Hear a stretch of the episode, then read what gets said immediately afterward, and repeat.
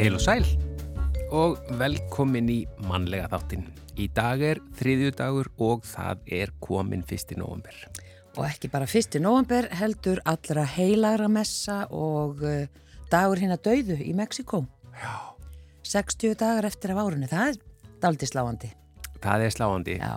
Já, mér veist bara margt í þessu, þessu tíma, eða hvað tími líður, það er sláandi. Já, En ef við fyrum aftur til ásins 1710 eh, er ringt var til messu á hólum ripnaði kirkjuklukkan af engri orsök innan gesalappa svo menn vissu, segir í Mælifells annál. 1845 samfeldar veður aðtúanir hófust í Stikkishólmi og Árni Torlasíus var upphafsmaður þeirra. Þar er elsta veður aðtúkunna stöð á Íslandi. Síld fannst í kvalfyrði á þessum degi árið 1947 og hófust veiðar. Á fjórum mánuðum veitist síld í magni sem á sér enga hliðstæði hér við landa að vetralagi. Svo var það Vilhjálmur Einarsson, íþróttakappi. Hann stökk 175 cm í hástökki án atrennu innan hús 1961 og það var einum centimetra hærra en gildandi skráð heimsmet. Hann sló bara alveg fullt af heimsmötum uh, í ýmsum greinum á sínum ferli. Uh, Almannagjá var friðuð fyrir bílaumferð á þessum degi árið 1967 og lengdist á leiðin frá Reykjavík til Þingvalla um fjóra kílometra. Svo merkild að það skulle hafa verið keirt. Já, Í stóð Almannagjá. hættulegt bara líka. Já, og, líka bara einhvern veginn miða við það hvað þetta er uh, í dag. Ég, ég sé bara ekki fyrir Nei. mér. Það Já. er einmitt, við mistum af þýkunni Já, já. þegar þarna var hægt að keira í gegn. En fjölmennasti miðirsfundur sem ég ímynda mér við um líka mist af var haldinn á hótel Loftleiðum 1974. Þann uh, var sóttur af um 200 manns. Já, ég mátti ekki fara. Nei, Ég var En- of, of lítill. já, Ef við ábyggilega vilja Íslenska óperan var stopnuð á þessum degi árið 1977. Skúli Óskarsson lifti 315,5 kílóm í réttstöðliftu í 72 kílóaflokki og bætti því heimsmetið um 0,5 kíló. Já, Skúli Óskarsson. 1980. Já, þetta var maður sem ég leit upp til þegar ég bara, ég einhvern tíðan var ég inn í sjoppu og hann kom inn í sjoppun og ég misti málið. Ég gæti ekki eins og niður panta, því hann var svo mikið stjarnar, sko. Já, fyrsta fjórburafæðingin á Íslandi, e, þar sem að öll börnin lifðu, e, lifðu átti sér stað á þessum degi árið 1988 og þetta voru allt stúlkur. já, við ringdum í þær í fyrra mannstu Já, og óskum þeim til hamingju með, með, með daginn. E, og svo var það eldgóð sem hófst í Grímsvötnum klukkan 10 að kvöldi 2004. En að efni þáttarins, Erna Blöndal tónlistakonna vinnur að meistaraverkefni í sköpun, miðlun og frumkvölastarfi við listaháskólan og hennar rannsóknarverkefni snýra tónlist og sálgæslu. Skiptir tónlist máli við útfarir og getur tónlist verið heilandi og hjálpað okkur í sorginni. Erna ætlar að segja okkur frá þessu hér á eftir. Já og Hanna Þráinsdóttir, körfugnattleiks og frjáls íþróttakona er meðal 30 kvenna sem tilnemdar hafa verið til kjörs á konu ársins 2022 í háskóla íþróttunum í Bandaríkjónum. Þetta er risastórt. Hún er fyrsta íslenska konan sem hlutiði við slíka tilnefningu en 223.000 konur stunda íþróttir í tæplega 1100 háskólum sem eru aðilar að þessu sambandi Úr þessum fjölmennahópi þá tilnefna háskólanir uppalega 577 konur uh, til heiðusins, svo var fækka í 156 og svo eins og áður sagði niður í 30 og hún er í þessum hópi sko. Þetta er bara, við ætlum að ringi hann og heyra aðeins í hennu bara og kynast henni aðeins. Já, svo er það Elin Björk Jónasdóttir veðurfræðingur, hún kemur til okkar í veðurspjall og í dag ætlar hún að tala við okkur um fjalla veðurfar. Já. En við ætlum að byrja á Erlu Þorsteins, það rökkvar í Róm.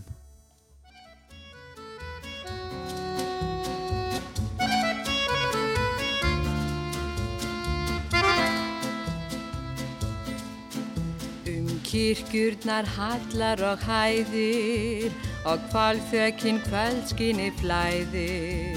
Á súlnatorg svalir og boga slær síkvikum loga það rökkvar í róm. Frá gósbrunni glitt fá stígur og glóðök á kýpruslaug nýgur til óttusums klukkurnar kalla og múrarnir gjalla við mánskæran hljóm. Með sítaleg falla sóladætur í seðfam nætur þar ökk var í róm. Að rífur það sér óma er ökkrið vefur Brennur þeirinn þér í öldnum æðum, aftur vaknar hýra fornum glæðum, andrá heitri liðnar aldir minnist, eilíf borg. Það sér óma í róa þagna sæ. Fljótið milli hljóðra hæðast dreymir, hornafræðar tíma rústir dreymir, dekkar mær sín ljóð við sítar syngur, svölum blæ.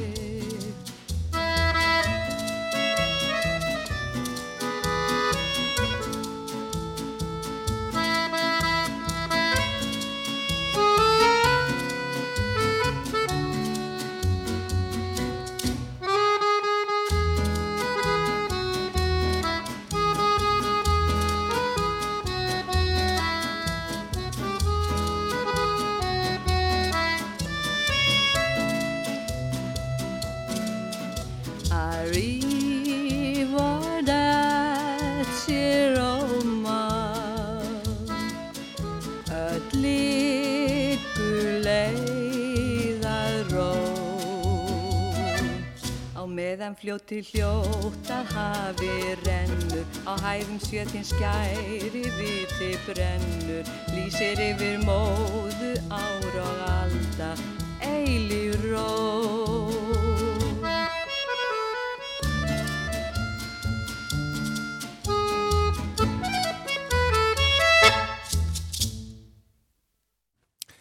Já, það rökkvar ekki bara hér uh, heldur í Róm eins og þetta lag heitir. Uh, Erla Þorsteinsdóttir söng þarna lag. Uh, Erlendur lagöndur Raskal Renato og tekstin er eftir Loft Guðmundsson. Já, og Erna Blöndal, tónlistakona, situr hérna hjá okkur og við vorum einmitt að segja frá því að hún er að vinna við meistaraverkefni í sköpun, miðlun og frumkvölastarfi við Lista Háskóla Íslands og hennar rannsóknarverkefni snýr að tónlist og sálgæslu. Og við vorum einmitt að velta fyrir okkur þessum spurningum hérna á hann, skiptir tónlist máli við útvarir og getur tónlist verið heilandi og hjálpað okkur í sorginni og það er akkurat þetta sem þú ert að skoða erna. Já. Og já, þú ert náttúrulega mjög tengd uh, kirkjunni og útförum og, og tónlistaflutningi. Já, ég hef sungið við öruglega núna hátt í 30 ár og starfa núna í fríkirkjunni Hafnafyrði og hef mikið líka verið að starfa með honum Gunnari Gunnarsinni, Gunnarsinni sem að starfa núna í fríkirkjunni Reykjavík og ég hef náttúrulega mikið verið að aðstóða aðstandendur og ég hef bara séð það með einu augum hvað það skiptir miklu máli að aðstandendur fá að koma að því að undirbúa útför, Mm. sérstaklega tónlistina og það í rauninni finnst mér vera bara partur af þessari sálgæslu að þegar þú kannski færð að setjast í borðið með presti og, og, og, og tónlistastjóra og færð aðstofið að, að rifja upp minningar eða, eða hérna eða jafnvel að koma til móts við hinn látna sem er búin að ákveða allt og það er líka svona eina af þessum spurningum þegar að mamma er búin að ákveða að hún ætlar að hafa þetta svona Mm. og svo er ég kannski dóttirinn og ég er alveg bara, já en mér kannski finnst þessi lög ekki alveg nógu flott og, og hvað gerum við í þessari stöðu?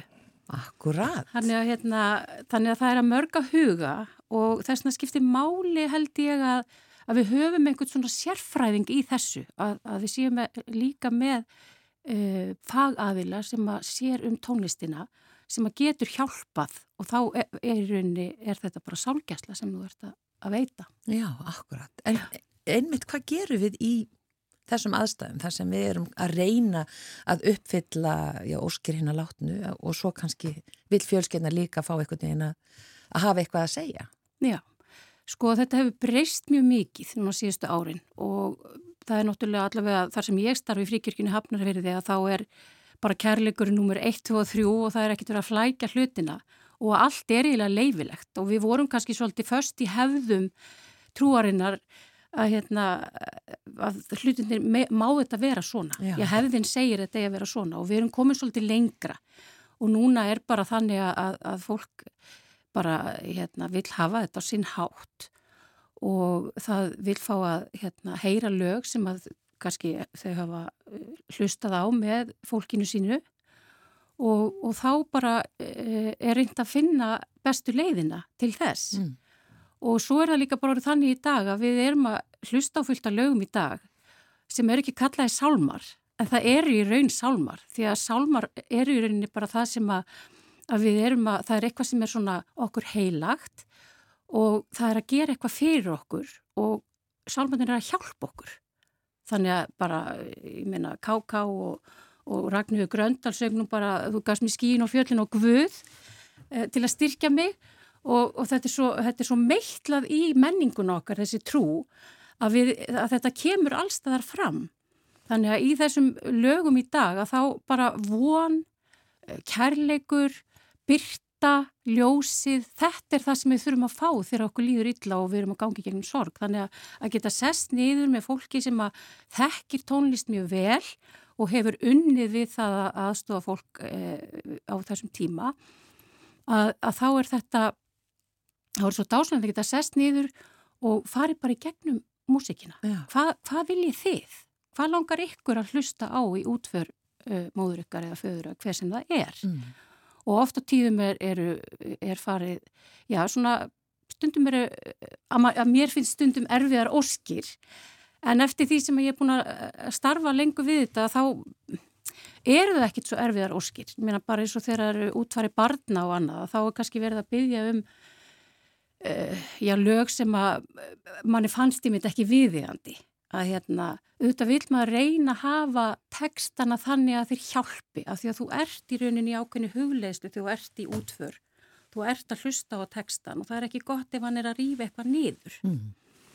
þannig að þá reynum við kannski svona benda á það að, að hérna, ef það eru textar að bara við förum yfir textan stundum er hægt bara að, að, hérna, að músikinn sé bara leikinn hérna, án þess að hérna, sé sungið. Já, og þetta er bara, þróunin er orðin svo mikil að það er í rauninni meirum minna allt bara sem er eh, leifilegt minna, mm. og, og auðvitað er bara allt leifilegt ég, það er ég sem er að kveðja og það er engi sem getur bara tekið það frá mér. Og það er, það sem, og það er sálgæslan. Mm. að það sé ekki komið á mótsiði þannig að, þú, að það sé sko lokaðar dýr þetta gerum við ekki. Heldur bara leiðbena að finna bestu aðferðina og Já. bara að sitja til bors með fólki og aðstofa minna, það er brosaði gegn tárin, það er grátið og allt ínu mannstu þegar við sungum þetta í partíinu mannstu og svo við farið svona og þá kemur hláturinn og það svona léttir svona áöllu og þá verður þetta bara heilandi, Já. það er bara svo les eh, Við skerum okkur aðeins úr hvað Já, nákvæmlega var þar með tónlistaflutning. Já. Hann er ofinni mikill. Það er það og, og, og það er svolítið, fyndið að því að nú hef ég svona kannski verið að einblýna á uh, svona, kannski akkur, akkurat ekki þennan hlut að, að hérna, hvað, akkur er þetta svona? En náttúrulega við erum með gríðarlega ríka hefð fyrir kórum og söng á Íslandi. Ég meina bara hérna rímurnar og, og hvaða söngurinn og allt þetta. Og ég held bara, sko ég meina ég var að lesa bara síðan útför hjá forföðu mínum þar sem að þar sem var mikill söngur og, við, og það er sko hvað, 1870 eitthvað sko. Og, og þetta virðist af að þróast og, og kirkja náttúrulega eins og ég segi, við erum svolítið við náttúrulega fæðumst inn í, inn í trú í rauninni, af því að við verðum á sín tíma, það er ekki lengur þannig. Þannig að, að, að, að hérna, trúabröð uh, kristin trú er svo samtvinnu þessu Þannig að kóranir er í kirkjónum og, og, hérna, og þá sko, byrjar þessi þróuna að kórar fara að syngja í útförum. Já. Og ég meina, ég er aðeins búin að bara fara aftur síðustu kannski 30-40 árin að þá er mjög mikið um kóra og bara einleik á hljóðfæri, einsöngvara. Þetta mm. var bara mjög algeng Já. og það voru ákveðni sálma sem voru sungnir og það var svona ákveðin hefð. En síðustu 20 árin hafa orðið gríðarlega miklu breytingar. Og, og það má í raun segja að já, mér finnst svona já, síðan e, eins og Gunnar Gunnarsson, píranleikari, hann er alltaf starfað við fríkirkuna í Reykjavík og var áður í Löganskirkju og það, og það svona, hann er náttúrulega algjör snillingur í útsetningum og öðru. Og hann til dæmis er að útsetja sálma sem að á svona nýstárlegri hátt sem að verðist vera hérna, já margir hafa áhuga á þeirri músík og velja það og hérna þannig að Þetta er bara svona þróunin. Já, og svona síðustu 20 ári myndi ég segja að það hafa bara orðið mjög mikla breytingar. Já. Það er bara mjög mikið um, um, um hérna, þessi dægulög sem eru í rauninni bara sálmar fyrir okkur og það sem er bara verið að tala fallega um lífið og kærleikan og, og kannski einhver erfileika sem við göngum í gegnum en svo, ver, svo verður allt í lægi eða svona, man, okkur fer að líða betur og við gerum okkar besta. Og það, bara þetta mannlega í tekstum skiptir svo miklu máli í þessum, í þessum, í þessum sálmum sem ég eiginlega leiði mér að kalla þetta ennþá því að því að sko, og, og bara eins og undarfari, ég minna að það eru svo margi tónlistamenn, ég minna Bubbi hérna Guðrún Gunnars og margir fleiri, Ellen og Káká og allir sem hafa verið að syngja í, í útförum. Og, og það er náttúrulega eins og ef þú horfir á einhvern sem að sem að, hérna, er, að, er að útbúa hérna, jarðaför segjum móðu sinnar. Ég var bara að syngja hún um daginn. Að mamma vildi, hún áttu upp á söngkonur og, og, hérna, og það var Sigga Beintils og það var Ellen Kristján og það var Erna Blöndal. Og, og þá bara eins og dóttirinn sagði, þá náttúrulega bara ringdi í þær og bað þær um okkur að syngja og svo bara sungu þær útfyruna og mamma var bara með okkur að hlusta og þetta var allt svo dásamlegt. Þannig að sko við get, hérna, ofta tíðum sko horf, horfir aðstændandi á mann og segir já heldur að dittu get minna, syngur dittu í svona útförum. Fólk bara veit þetta ekki, mm. þú ert ekki að útbúa hérna, einhverja útför á hverjum degi, þú er ekki hugmyndum hvernig þetta fyrir fram. Þess vegna þarf þetta að hafa einhvern með þér sem að getur aðstofa þig. Já. Og, já, og eins og segið, þetta er náttúrulega sálgæsla í leiðinni. Já, þetta er gríðarlega mikið sálgæsla og, og, hérna, og ég náttúrulega er búin að vera í þessu verkefni mínu núna, þá er ég búin að vera að hitta aðstatendur og fólk í sorg mm.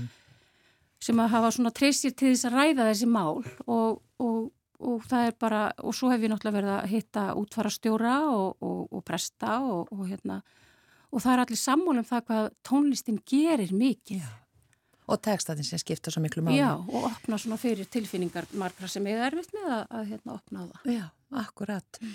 Uh, svona bara í lokin, það eru tónleikar uh, á sunnudaginn sem snúast svona dálitið um þetta efni, sorgin og lífið. Já.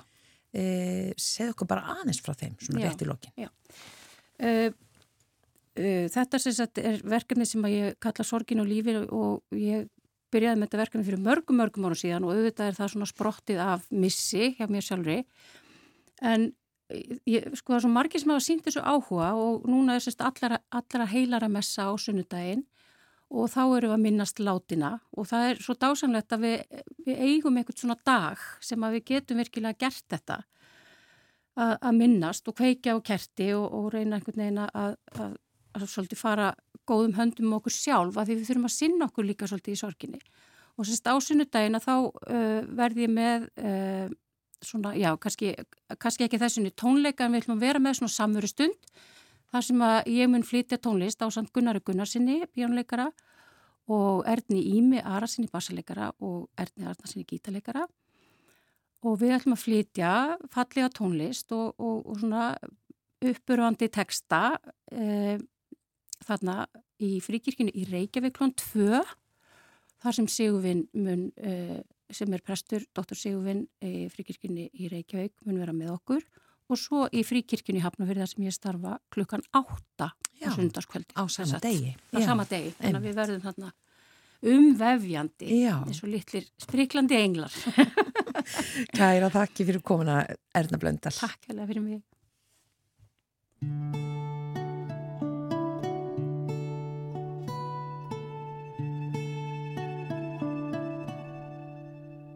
Er vetrar myrkur vefur sveit og borg og vindar blása köldum stræt og torg er börnin sofa flest má greina ljós í einum glugg í gömlu gráu húsi.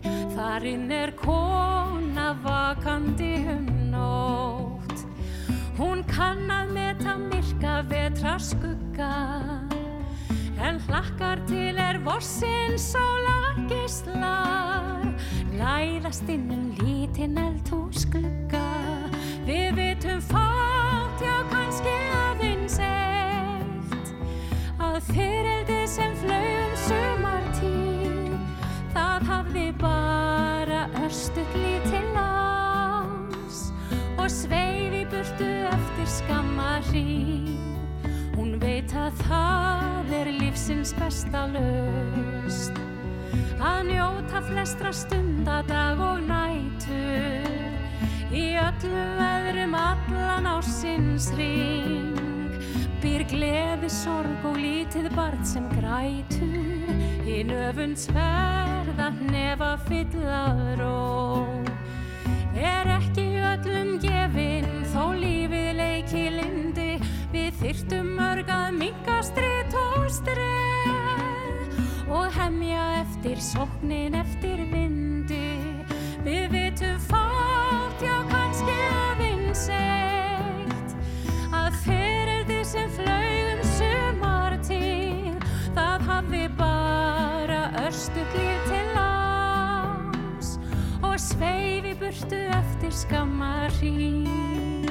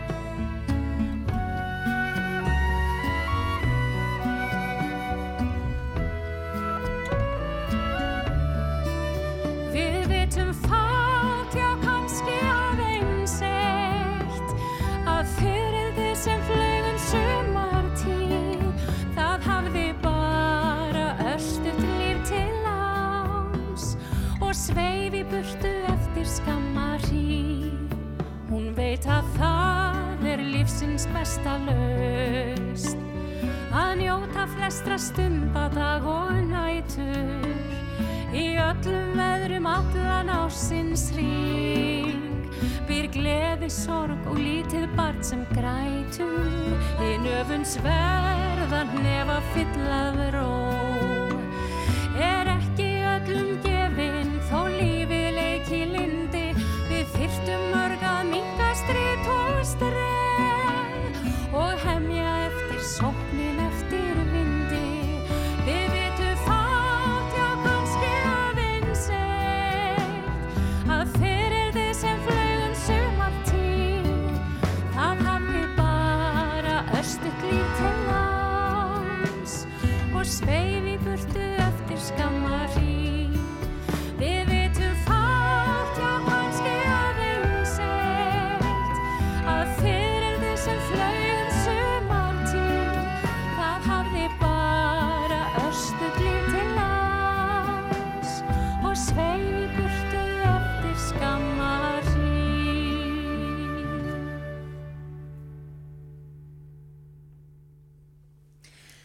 Þetta var hún Erna Blöndal sem var að ræða við okkur hér eh, áðan um tónlist og sálgjastlu. Nefa fylli af ró heitir þetta lag eftir Vigdís Jónsdóttur og uh, Þórdís Gísladóttir samti tekstan. Já, og hún er hingað komin, hún Elin Björk Jónasdóttir, veðurfræðingur. Nú ætlum við að ræða veðrið. Þú ætlar að segja okkur eitthvað hvað, um fjallaveður. Já. Já, það er auðvitað, kannski finnst fólki ekki tímabært að fara að ræða það, það er svona rólegheitt í veðrinu núna og kannski fáttum að ræða, það er bara hérna áttleisa og, og smá væta. Er, á er, þá, landinu. er þá eins og í vinnunni hjá þér í, á veðurstofunni, eru þið þá bara sítandi út í hodnu, það er ekkert að gerast og bara, Nei, sko við förum alltaf að velta okkur upp úr einhverjum smáatriðum ef það er Já. ekki einhver svona stór atriði til þess að velta sér upp úr Já, sko, að þá förum við bara að velta okkur upp úr smáatriðunum já, já, að þú nördast. veist, já, er, er skýja með köplum eða skýja það mestu eða er, þú veist, lítilsáttar væta eða, eða þurft að kalla eða þetta, já, já, við getum velt okkur upp úr alls konar Þurft að kalla. Já. Eitt af því. Skúrir. Já, í, gre, í í dæmis, grennd, hvað já. Er, hvað er grend? Hvað það er er hversu nálægt er það? nálægt, það er bara að þú finnur, sérð, eða sko, þú ert ekki blöytur Já, já, en þú sérð að það er rigning bara einhvers þar já, ég, ég átta mig á þessi eitthvað nálægt. Já, en, það en er meina, ekki hvenær- mælikvarði. Það er ekki mælikvarði. Nei, það er bara aðalega ef það er ekki rigning hjá þér en rigning í, þú Já, sérð í rigningu í nágruninu. já, Já, já. Á næsta bæ, á næsta bæ. kannski ekki í sveitinni. Einmitt. Inn í dalnum og svona. En, en ég ætlaði samt aðeins að fara yfir þetta með sko fjallaveðrið. Mm. Já, E, við erum náttúrulega komin inn í november og, og þó það sé mildt og gott núna þá auðvitað á endanum kemur vetrarveðrið Ó, sko. E, ég lof engum það hvort að það veri þessari vikuði næstu en svona við getum nú alveg, alveg verið nokkuð vissum að svona eftir því sem að líka kólnar meira og, og er minni sóla þá, þá hérna það verða meiri átök og einhvern tíma lendum við undir vetrarlægðunum sko. það Já, er alveg, alveg víst en það sem að ég held að skipti máli e, fyrir okkur, fólk er að fara á milli landsluta keirandi eða fara til fjalla til að stunda útivist, Mm. hérna gangandi eða hjólandi og svo ágöngu skýðum og, og skýðum og svona að hérna að fara eins og svona að rifja upp þetta með sko hvernig veðri getur nú breyst á stuttum tíma mm. og þá ég ekki bara við að það breytist sko þar sem að stendur stutt, á stuttum tíma, þú veist, við getum verið bara heima hjá okkur og, og veðri breytist á tveim tímum eða eitthvað þá segum við já, þú veist, rosalega breytist veðrið en við getum líka að fært okkur á milli veðrakerfa, bara með því að fara upp í bílun okkur og keira yfir helliseiðina eða keira upp á auksendalseiði eða, eða eitthvað slíkt Mm. Og hérna og það er svo hættulegt að þegar maður er að, að hérna, fara af stað eitthvað þó það sé bara eitthvað stutt segjum að við séum að fara sko frá Reykjavík og Selfoss eða frá Akureyra og Mývatn, þetta er ekki lósa langar vegalengdir Nei. en þetta er samt alveg svona þú þarfst að fara yfir fjallgarð eða í, í hérna hjá Akureyringum núna fara þeir bara í göng sko en það er samt úr að fara þú veist á, hérna í annað svona svæði, annað veðrasvæði jafnvel og þá er svo hættult að líta bara um gluggan eða bara leiðin í bílnum að vera bara já ég þarf nú bara að vera á peysunni sko það er nú svo mildt og fint hér Mhm. uh, af því að uh, bara það til dæmis að fara upp á helliseðina að þú hækkar þeim nokkur undur metra og hiti lækkar um eina gráðu svona hér um bil á hverja hundra metra svona 0,6 til eina gráðu á hverja hundra metra Já, það er Þannig að-. Já, þannig að ef það er þryggjastega hiti í Reykjavík að þá er komið frost upp á helliseði sko. Já. Mm. E, þannig að það er þryggjastega stega hiti í Reykjavík og rigning að þá ertu komin í 0-2 stega hita og kannski slittu eða snjókomu upp á heiði Já. Sem eru auðvitað allt annað veður að bara ferðast í heldur en veðri sem fórst af stað í já. e, þegar að læra á stað og þetta er alveg eins sem Öxnandalsheiðin, hún er náttúrulega miklu hærri þannig að ef það er áttastegi hiti á Akureyri þá er kannski orðin þryggjastegi hiti eða fjórastegi hiti efst upp á Öxnandalsheiðin Já. Getur minna helming. getur munað alveg helling þannig að þetta eru svona, gerum ráð fyrir svona einni, eða tæpri einni gráðu á hverja hundra metra og svo er hitt líka vindur ekst með hæð Og Þannig þar að- að leiðandi vindkæling. vindkæling og, og hérna uh, og, og til dæmis bara ef það er snjór en ekki rigning upp á heiðum og það er kannski bara svona einhver andvari niðri en, en kannski 8 metrar á sekundu eða 10 upp á fjalli að þá ertu komið skafrenninga þegar við vorum að ræða þetta um skafrenningin um daginn Mm. að það þarf ekki svo ofbáslegan vind til þess að fara að fá svona fjúk yfir veginn eða jafnvel svona skegnishamlandi hérna skafrenning. Þannig að það sem að mér langar að svona brína kannski bara fyrir þeim sem er að hlusta og að þau kenni öllum í kringum sig. Það er þessar þjóðanpjöstareglur að það hiti lækkar alltaf og, og vindurinn ekst svona alla jafna Uh, og sko það þýðir ekkert að horfa bara í síman sinn á hérna spána fyrir Reykjavík og svo spána fyrir Akureyri og ætla að keira á milli og halda það sé nóg. Þar er margt á milli. Það er margt á milli. Margar heiðar. Og það þarf ekki að vera Reykjavík Akureyri því þetta getur verið Reykjavík Borgarnes eða Borgarnes Grundafjörður eða, eða hvernig sem það er. Bara frá Östfjörðum upp á Egilstæði heiti, bara frá Seyðsfjörðu upp á Egilstæði. Það, það getur líka verið mjög mjög mismöndi veður á þeim slóðum sko. Uh, þannig Eru, að, eru símatnir með, til dæmis getur maður bara sett helliseiði eða ögnadalseiði? já, þú getur það í sumum, sumum öppum, Já. sem sagt. Uh, vegagerðin var að setja út nýjan vef, umferðin.is, þar sem þú getur séð mjög svona öðlega hvernig staðin er á veðrinu núna. Mm. Og getur maður þá að skoða það eins og leiðina Reykjavík Akureyri? Uh, já, en þá sérðu bara hvernig staðin er núna. Já, Þannig að þegar, þú, þegar fólk er að skoða sig um og er að, er að skipla ekki svona ferði þá, þá mæl ég með að það noti veðstofu vefin e, fyrir sko textaspárnar. Mm. Því það eru textaspár, það er alltaf veðfrængur búin að skoða fullt af mismundi spám og skrifa textaspá og ef þú ert að flýta þér ósa mikið þá gefur hún svo gott yfirlit e, yfir, hérna, hún segir þér svona mm, svona lámarks og hámarks hita, hérna, hún segir oft sko rigning eða slita og snjókoma til fjalla, eitthvað svo leis og þannig að svona ef maður er að flýta sér þá getur maður eiginlega að lesa þessar tvær til þrjár línur miklu hraðar heldur en ef maður er að skoða fullt af svona staðarspám sem við köllum, sem eru svo spár fyrir svona eitt stað sem þú leitar eftir. Já, eh, til dæmis að leiðin er ekki að gaggrið já. eh, langbestur ef að fólk getur svona þjálfað sig upp í að skoða kortin. Já, og skrolla svona yfir Já. klukkutíman. skoða yfir klukkutímanu hvernig breytingin er þá Mm. sérðu hérna er að aukast mikið vindurinn er að koma eitthvað úrkomusvæði yfir kannski er að batna veðrið, veist, þá getur maður að fara að stað því maður verður að fara inn í betra veður eh, en svona undibúningurinn fyrir það fari einhvers konar ferðir á þessum tíma árs svona nóumbur og fram í sko mars-april þegar við förum að sjá svona eitthvað vorveður verður að innihalda það að við áttum okkur á því hver staðan er að veðrinu næstu klukkutímana. Og, og ástæðin fyrir því segi líka með veðstofivefina því þar eru viðvaranirnar. Þannig að fólk verður auðvitað líka alltaf að skoða þær og lesa textan þar. Og við leggjum heilmikið á okkur til þess að reyna að gera þennan texta skiljanlegan og, og knappan þannig að hann innihaldi aðalatriðin en ekki eitthvað svona sem að þarf ekki að vera. Þannig að hann á ekki þetta á ekki að taka fólk langa tíma. Og það er lesari á vefnum líka fyrir það sem að eiga Já. með Er það að meina, já, já, maður smellir á og þá bara ekki kemur rödd. Já, Já, þannig en, að þetta en sko- ætti nú að ganga alls en það sem er á, á símanum sem er Mhm. áhugavert er að, að maður getur séðstundum hitasti og eitthvað svona Já, svo, svo stendur undir feels like, Feels að like. kannski 5 gráður Já. en svo stendur feels like 1 gráða Já. eða eitthvað slíkt já, er, er að því þá er unni að því þá er tekin inn í vindur og kannski rakasti og já, eitthvað svona einmitt. Um, það er misjönd eftir öppum að því að þetta er ekki mæleining, þú getur ekki mælt þessa vindkælingu. Þetta er tilfinning Þetta er svona tilfinning, feels like. Og hérna, hún er auðvitað mismönda milli fólks og mismönda milli landa mögulega. Vinsælasta svona útreiknaða vindkælingatablan er kanadísk. Já, sem er það á þennan hátt Já, Já, og, og þar er náttúrulega á sléttunum verður svo óbúslega mikið frost Já. og getur orðið mjög mikil vindur og þá eru þeir aðalega að hugsa um sko hvernig bara bregst húð við Mhm. í kælingu sem að nemur kannski 30 gráðu frosti og svo 15 metrum á sekundu.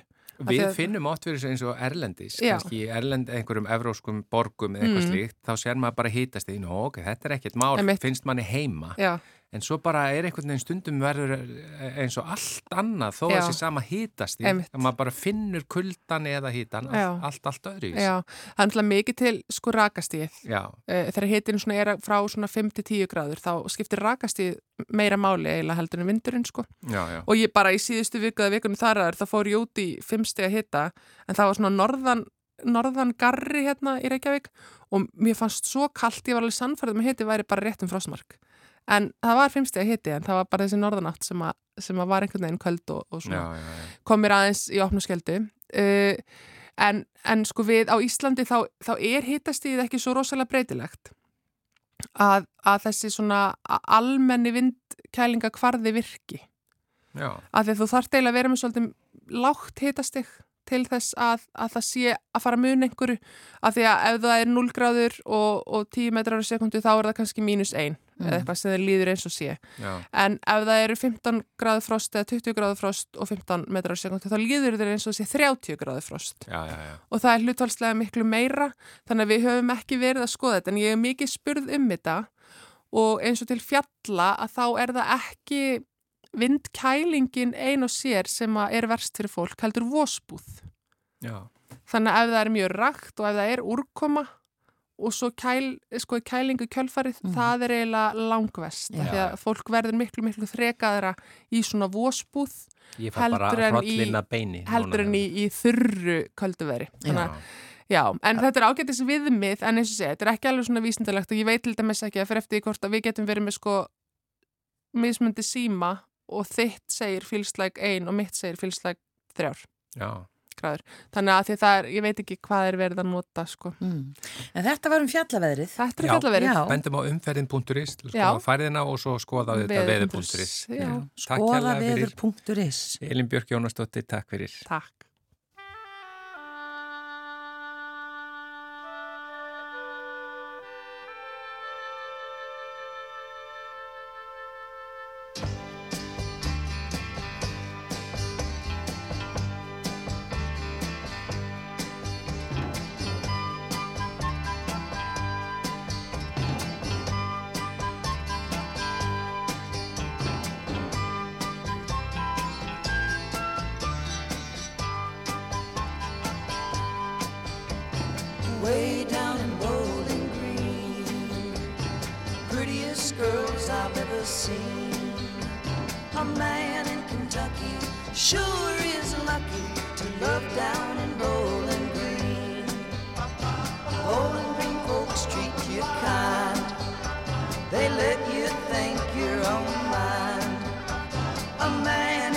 Kentucky sure is lucky.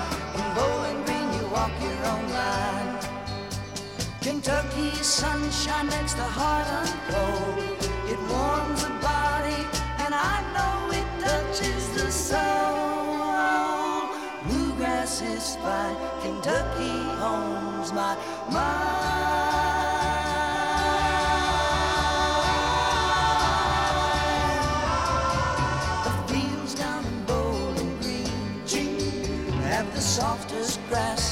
Seen. A man in Kentucky sure is lucky to lie down in Bowling Green. Bowling Green girls treat you right. They wear dresses cut country tight. A man in Kentucky sure is lucky if he's seen a Bowling Green night. Kentucky sunshine makes the heart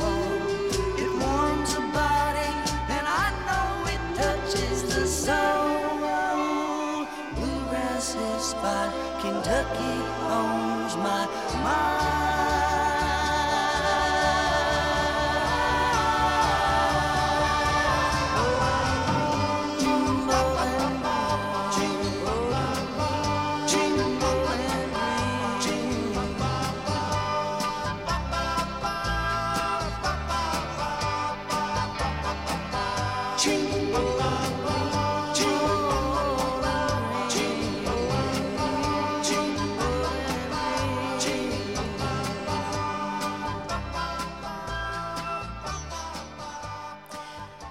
Þetta eru Everly Bræður að syngja þarna Bowling Green, lag eftir Terry Slater og Jacqueline Örtler. Já, eh, við erum komin í samband við Hönnu Þráinsdóttur, það sem að þú ert stött í New York, ekki satt? Jú, ég er á Manhattan. En þú segist að varst í fjögur ár í uh, Georgian Court skólanum sem að er hvar? Uh, hann er í New Jersey sem er bara næsta fylki við New York, við ströndina þar. Já, og ég veit nú að Íslendingar sem að fylgjast með körfugnalleg uh, vita hver þú ert, en það er ekki endilega víst að allir okkar hlustendur hér í mannlega þettunum fylgist jafn mikið með körfugnalleg, uh, en þú sem sagt við fengum fréttir af því að, að uh, hás, Háskóla Íþróttasamband Bandaríkjana, NCAA, tilnemdi þig í hópi 30 kvenna til kjörs á konu ársins árið 2022. Innilega til hamingi með það. Takk fyrir. Og, og þá eiginlega bara likur beint við að spurja aðeins út í þig, að því að það er að segja, við, við sem ekki erum búin að fylgjast nógu mikið með körubólta, eh, segð okkur aðeins frá þér. Já, uh, ég sem sagt er úr Hafnafyrði og, og byrjaði að æfa körubólta þar þegar ég var 12 ára hjá Haugum. Uh, er með uh, bakgrunn í frálsum og fólkdra mín eru frálsögutafólk og hef alltaf verið mikil frálsögutastelpa. Ég byrjaði að æfa körubólta þannig að ég er í sjöndabekk Já, og svo bara fannst mér það rosa skemmtilegt og ákvaða svona leggja áherslu á það og enda því að ákvaða að reyna að komast í bandaríkjana í háskóla því að það er svona skemmtilegt umhverfi. Og, og fæ sem sagt bóðum skólastyrk frá þessum skóla George and Court sem ég hafði náttúrulega aldrei hýrt um. Já, og er komin þangað bara haustið 2018 og það gekk bara mjög vel. Og, fyrir þau sem ekki vita, er, það ekki þannig að háskóla körfuboltinn í bandaríkjunum er í rauninni sterkasta áhuga manna deild bara í heiminum? Jú, algjörlega. Það eru náttúrulega þrjár, þrjár deildir í háskólaboltanum, Já, fyrsta, önnur og þriða deild og fyrsta deildin í háskólaboltanum er bara verulega sterk. Um, ég sem sagt fór í Georgian Court sem er annar deildaskóli. já. Og, og, og, e, og í rauninni þau sem að fara, eh, eða veist, þetta getur verið það góður e, hlutur að, að- að fara á íþróttastyrk eins og þú á körfuboltastyrk, eða hvað, fegstu styrk allan tíman? Já, ég fekk sem sagt bæði uh, íþróttastyrk og svo líka akademiskan styrk fyrir skólan. Þannig að ég hef svo heppin að fara bara í gegnum þetta dýra háskólakerfi í bandaríkjanum eiginlega alveg frýtt og, þetta er rosalega skemmtilegt umhverfi af því að þarna er maður bara á háskólasvæðinu og þar er íþróttahúsið og liðið og allir lifa svona sama lífi og þetta er rosalega gott umhverfi til þess að ná árangri í. Já, og einmitt, það var það sem ég ætlaði að spyrja því að háskólanám í í- er alveg gríðarlega dýrt, þannig að þetta getur verið leið til þess að bara að, komast í, í gegnum þetta nám án þess að þurfa að borga fyrir það. Já, algjörlega og það hjálpar náttúrulega mjög mikið og auk þess að körfuboltinn í bandaríkjunum er náttúrulega mjög sterkur og mikil saga í kringum hann þannig að það er engin spurninga að maður er að fá alveg gæða þjálfun og, og getur náð bæði langt bæði í skólanum og, og körfuboltanum. Já, og þetta bara þannig við komum aðeins, ég ætla að fara aðeins síðan betur svona í gegnum þín ár þarna úti, förum aðeins aftur að þessari tilnefningu því að þetta er bara þannig að fólk átti sig á stærðagráðinni í þessu. Þetta eru einungis 30 konur sem eru orðnar eftir í þessu vali, þar sé að 30 sem eru tilnefndar og það eru 1098 háskólar e, í þessu sambandi NCAA og e, þar af eru, eru 223.000 konur í þessum skólum og til að byrja með voru 577 konur e, tilnefndar frá, hverjum, frá skólunum, þeir tilnefndu konur á sínum vegum. Þannig að þetta er, eh, núna er komið nýri bara 30 kvenna úrval, þetta er alveg gríðarlega flottur og mikill heiður. Já, takk fyrir. Þetta er það. Þetta er, ég náttúrulega alveg, alveg gal snarhissa á þessu sko og, og þetta er alveg rosalega stór heiður og, og ég náttúrulega bara til að byrja með mjög, mjög þakklátt fyrir að hafa verið tilnæmd á skólanum mínum. Það er fullt af flottum stelpum mínum skóla sem að hefði alveg geta verið tilnæmd líka og svo er ég tilnæmd líka sagt dildinni minni. Þannig að þá kemst ég einu skrifu lengra og kemst inn í þennan 500 kvenna hóp og, og svo enda bara með því að ég er hann í topp 30 og er náttúrulega alveg hiss á því að það er þarna stelpur í þessum hópi sem eru núna atvinnu fótboltastelpur og stelpur sem eru með uh, verkfræðigráður frá MIT þannig að þetta er, þetta er risastórt. Já og þetta er ekki bara, e, það er að segja fyrir íþrótta árangur eða. Nei, þetta er sem sagt Ekki það að það íþróttirnar, er svo sem alveg nóg sko en ég er að meina að það er tekið ímislegt fleira inn í. já, þetta eru fjóri þættir, þetta eru íþróttirnar og svo er þetta skólinn og svo leiðtoga störf og svo svona samfélagsvirkni. Já. Segð okkur þú aðeins að því ég meina að það er eitt, þú, þú varst auðvitað að spila körubólta í skólunum og það verður nú að taka það fram að þú varst fyrirliði körubóltaliðsins og leittir það, hvað, í fyrsta skipti í sögu skólans í úrslitakeppnina, eða ekki? Jú, ég sem sagt var fyrirliði annað ára mitt og svo þriði ára mitt þá það er COVID árið mikla og þá náðum við að, að koma saman og, og æfa og, og komast í gegnum það og endaði með því að við komum sem sagt í fyrsta skipti í sögu skólans í úrslitakeppnin í NCAA. Þannig að unnum sem sagt deildin okkar, riðilin okkar og komumst í þessa stóru úrslitakeppni sem er á landsvísu þá og, og það var í fyrsta skipti í sögu skólans þannig að það var, það var mjög skemmtilegt. Já, og eh, en hvaða eru þessi í sko hinum liðunum, námsárangur og leiðtóa hæfileikar og annað? Þú ert búin að vera að gera svo margt og mikið, bæði auðvitað, hvað varstu til dæmis til að byrja með að læra? Já, ég, ég er náttúrulega fer þarna út bara og ætla bara að einbytta mér að köruboltanum og vel bara einhverja námsleið og vel sem sagt það heitir Digital Communications sem ég þýði í stafræn miðlun á íslensku og, og svo byrja ég bara í skólanum og finnst þetta svona agalega skemmtilegt og fæ bara mjög mikið áhuga á náminu og, og ákveð svo annað árum mitt að bæta við annari námsleið og bæti við sálfræði líka. Þannig ég er með gráðu í bæði stafræðni miðlun og sálfræði og, og hef einhvern veginn komst ég út í það að byrja að kynna á alls konar akademiskum ráðstöfnum og, og gera rannsóknarverkinn og svo leiðist þannig að það gekk mjög vel líka. Og svo útskrifaðistu með glæsilega engun, ekki sett? Uh, jú, ég, mér tókst að útskrifast með bara hæstu engun og fekk sem sagt A í öllu og, og fekk sem sagt fjóra í engun sem er hæsta engun og, og fekk velum fyrir það útskriftinni og það var svona uppskera mikillar vinnu þannig að það var mjög skemmtilegt líka. Til haf mikið með það og í framaldi fegstu styrk eða ekki til framhalsnáms? Jú, ég var svo lánsum að ég sækja sannsagt um fullbrætt styrk frá íslensku fullbrætt nefndinni hmm. og enda með að, fá hann sem er mjög stort líka og ég er mjög þakklátt fyrir, fyrir þann stuðningu þetta og, og það gerir mig kleikt sagt að, að sækja um í, í New York University og og halda áfram námi hér. Og í þá, þetta er sama námi eða hvað þú varst í nema meistaranám? Já, eh, mjög svipað. Þetta heitir uh, Media, Culture and Communication sem er svona menningar og miðlunarfræði. Þannig aðeins sérhæfðar en það sem ég var í en, en á svipum slóðum. Og þú ert að skrifa, spila uh, körubólta líka í nýja skólunum, ekki sett? Jú, ég er sem sagt svo heppin að fá að gera það líka og, og það er búið að ganga mjög vel og er mjög skemmtilegt og ég er mjög ánæða að það gekk upp að ég komst á stað þar sem ég gæti haldið áfram að spila körpálta og líka fengið mjög góða mentun. En svo er það líka, það eru námsárangurinn, en svo er líka það sem við talaðum sem leiðtoga hæfileikar og, og samfélagsleg virkni. Þú uh, varst uh, í skólanum þínum þegar ekki, uh, fórseti hins einn félagsnefnda? Jú, einmitt. Um, ég, ég, ég, eins og ég segi, kom hérna um haustu 2018 og ætlaði bara einbita mér að körpálta en enda svo á því að að einbita mig mikið að náminu líka og einhvern veginn lendi því að lendi alls konar nefndum og ráðum eins og gengur að gerast held ég oft uh, hjá Íslandingum sem eru svona freka döglegir og allt í öllu.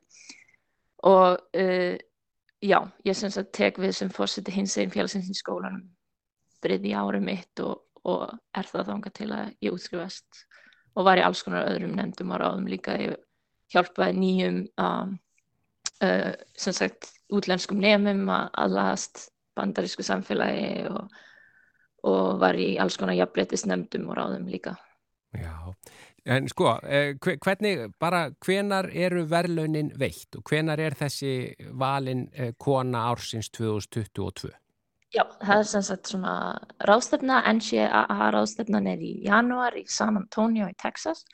Ég er bóðinn á það og ætla að skella mig þangað til Texas og, og þá er það valdar sagt topp nýju konur úr þessum hópi aftur og svo að lokum þá eru einn valinn á þessari ráðstöfnu. Þannig að það er gaman að fá að fara og hitta hinnar 29 konurnar og, og tala við fólki sem að velur þetta og alls konar, alls konar uh, fólk sem verður á þessari ráðstöfnu sem verður mjög merkilegt að hitta held ég. Já, bara það að vera tilnæmt er auðvitað bara ábyggilega talsvert mikill heiður en, en veistu eitthvað hvað myndi gerast? E, e, það er að segja ef þú fengir þennan títil eru er einhverjar það hljóta ímsar dýra að opnast? Já, algjörlega. Og það, það eru búin að opnast nú þegar ég held að þessi tilnæmning sé alveg stærri en ég gerir mig grein fyrir sko og hvað þá e, fólki heima þannig séð sko. En það er náttúrulega að hljóta þessi velun er alveg, alveg gríðalega stórt og, og það væri náttúrulega eitthvað sem að myndi bara svona hjálpa manni einhvern veginn að komast á framfæri og líka bara, þú veist, að berjast fyrir því sem maður vil berjast fyrir og, og það er það sem þessi, eh, þessi velun eru svolítið um, þau eru tengt sem sagt þessari tætul nýju reglu í bandaríkjunum sem var svona kynjajabréttis regla þannig að, að það er mikill aktivism í rauninni innifalinn í þessu sem á svolítið vel við mig. Já, Uh, hvað áttu mikið eftir að þessu námi sem þú ert í núna í New York, meistarnáminu? Uh, ég sem sagt var bara að byrja þannig og þetta er tveggjára nám, þannig að ég klára vonandi vorið 2024. Og er eitthvað plan þá, ætlar að koma til Íslands eða vera áfram í bandaríkanum? Uh, mér langar nú að halda áfram að spila körfubólta og, og þegar námið er búið hér þá eru litli möguleika til þess í bandaríkjunum. Auk þessum ég held að ég held ég lifi nú ekki af mikið lengur en tvö ári í New York borg. En uh, yeah, það var bara eftir að koma í ljós. Mér langar líka mikið að, sjá hvert ég geti spila körfubólt í Evrópu eða, eða farið í ennþá meira framhaldsnám. Þannig að það kemur bara ljós á, á næsta árum held ég. Já, það kemur í ljós. Hanna Þráinsdóttir, þakka er innlega fyrir að spjalla við okkur. Við fylgjumst með. Þetta er sem sagt í januar sem að kemur, veistu, hvenar í januar er það? Já, 12. januar. 12. januar kemur í ljós en bara aftur segi ég, þetta er auðvitað bara frábær heiður að vera komin í þess að 30 hvenna úrval.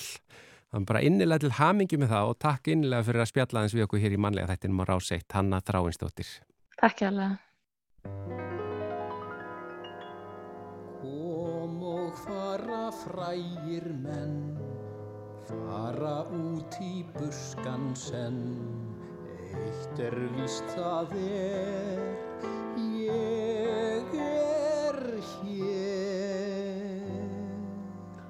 Ég er maðurinn hennar Jónínu hans Jóns, ég er reykvíkingur eins og kalda lóns.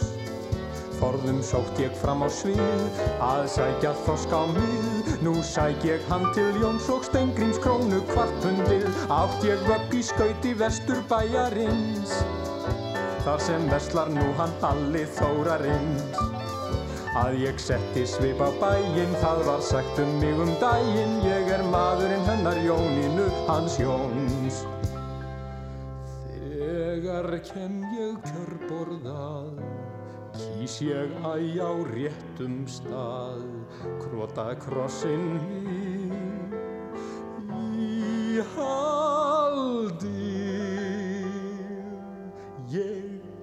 Er maðurinn hennar Jónínu hans Jóns, ég fer varla að kjósa framsók mér til tjóns.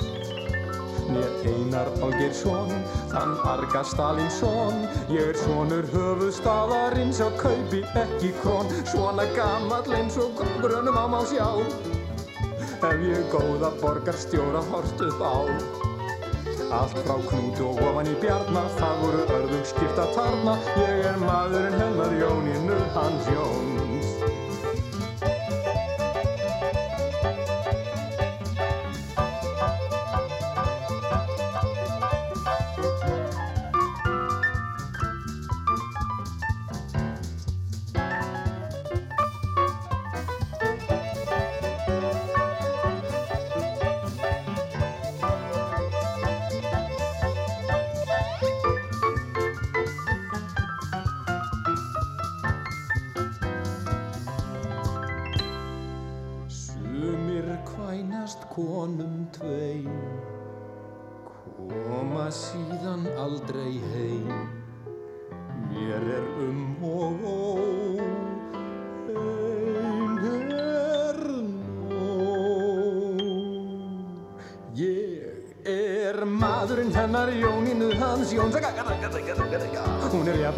skörungur vors fróns Hún þykir þokkaleg, hvað það er veit ég. Það er vist einhver dásend sem er mér ósýnileg. Hún er ennþá meira íhald en ég er.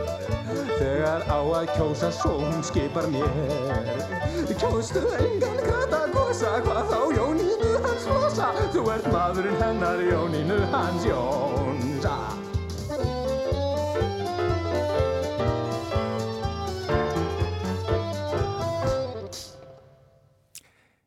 Egil Ólason söng þarna lagið Ég er maðurinn en að Jóninu hans Jóns. Þetta er lagt til Georg Forby og Emil Tórótsen samt í íslenskan texta. Og þetta er síðasta lagi hjá okkur í manlega þættinum í dag. Við verum hér aftur á morgun, miðvíku dag, en bara þökkum samfélgina. Já, og veriði sæl.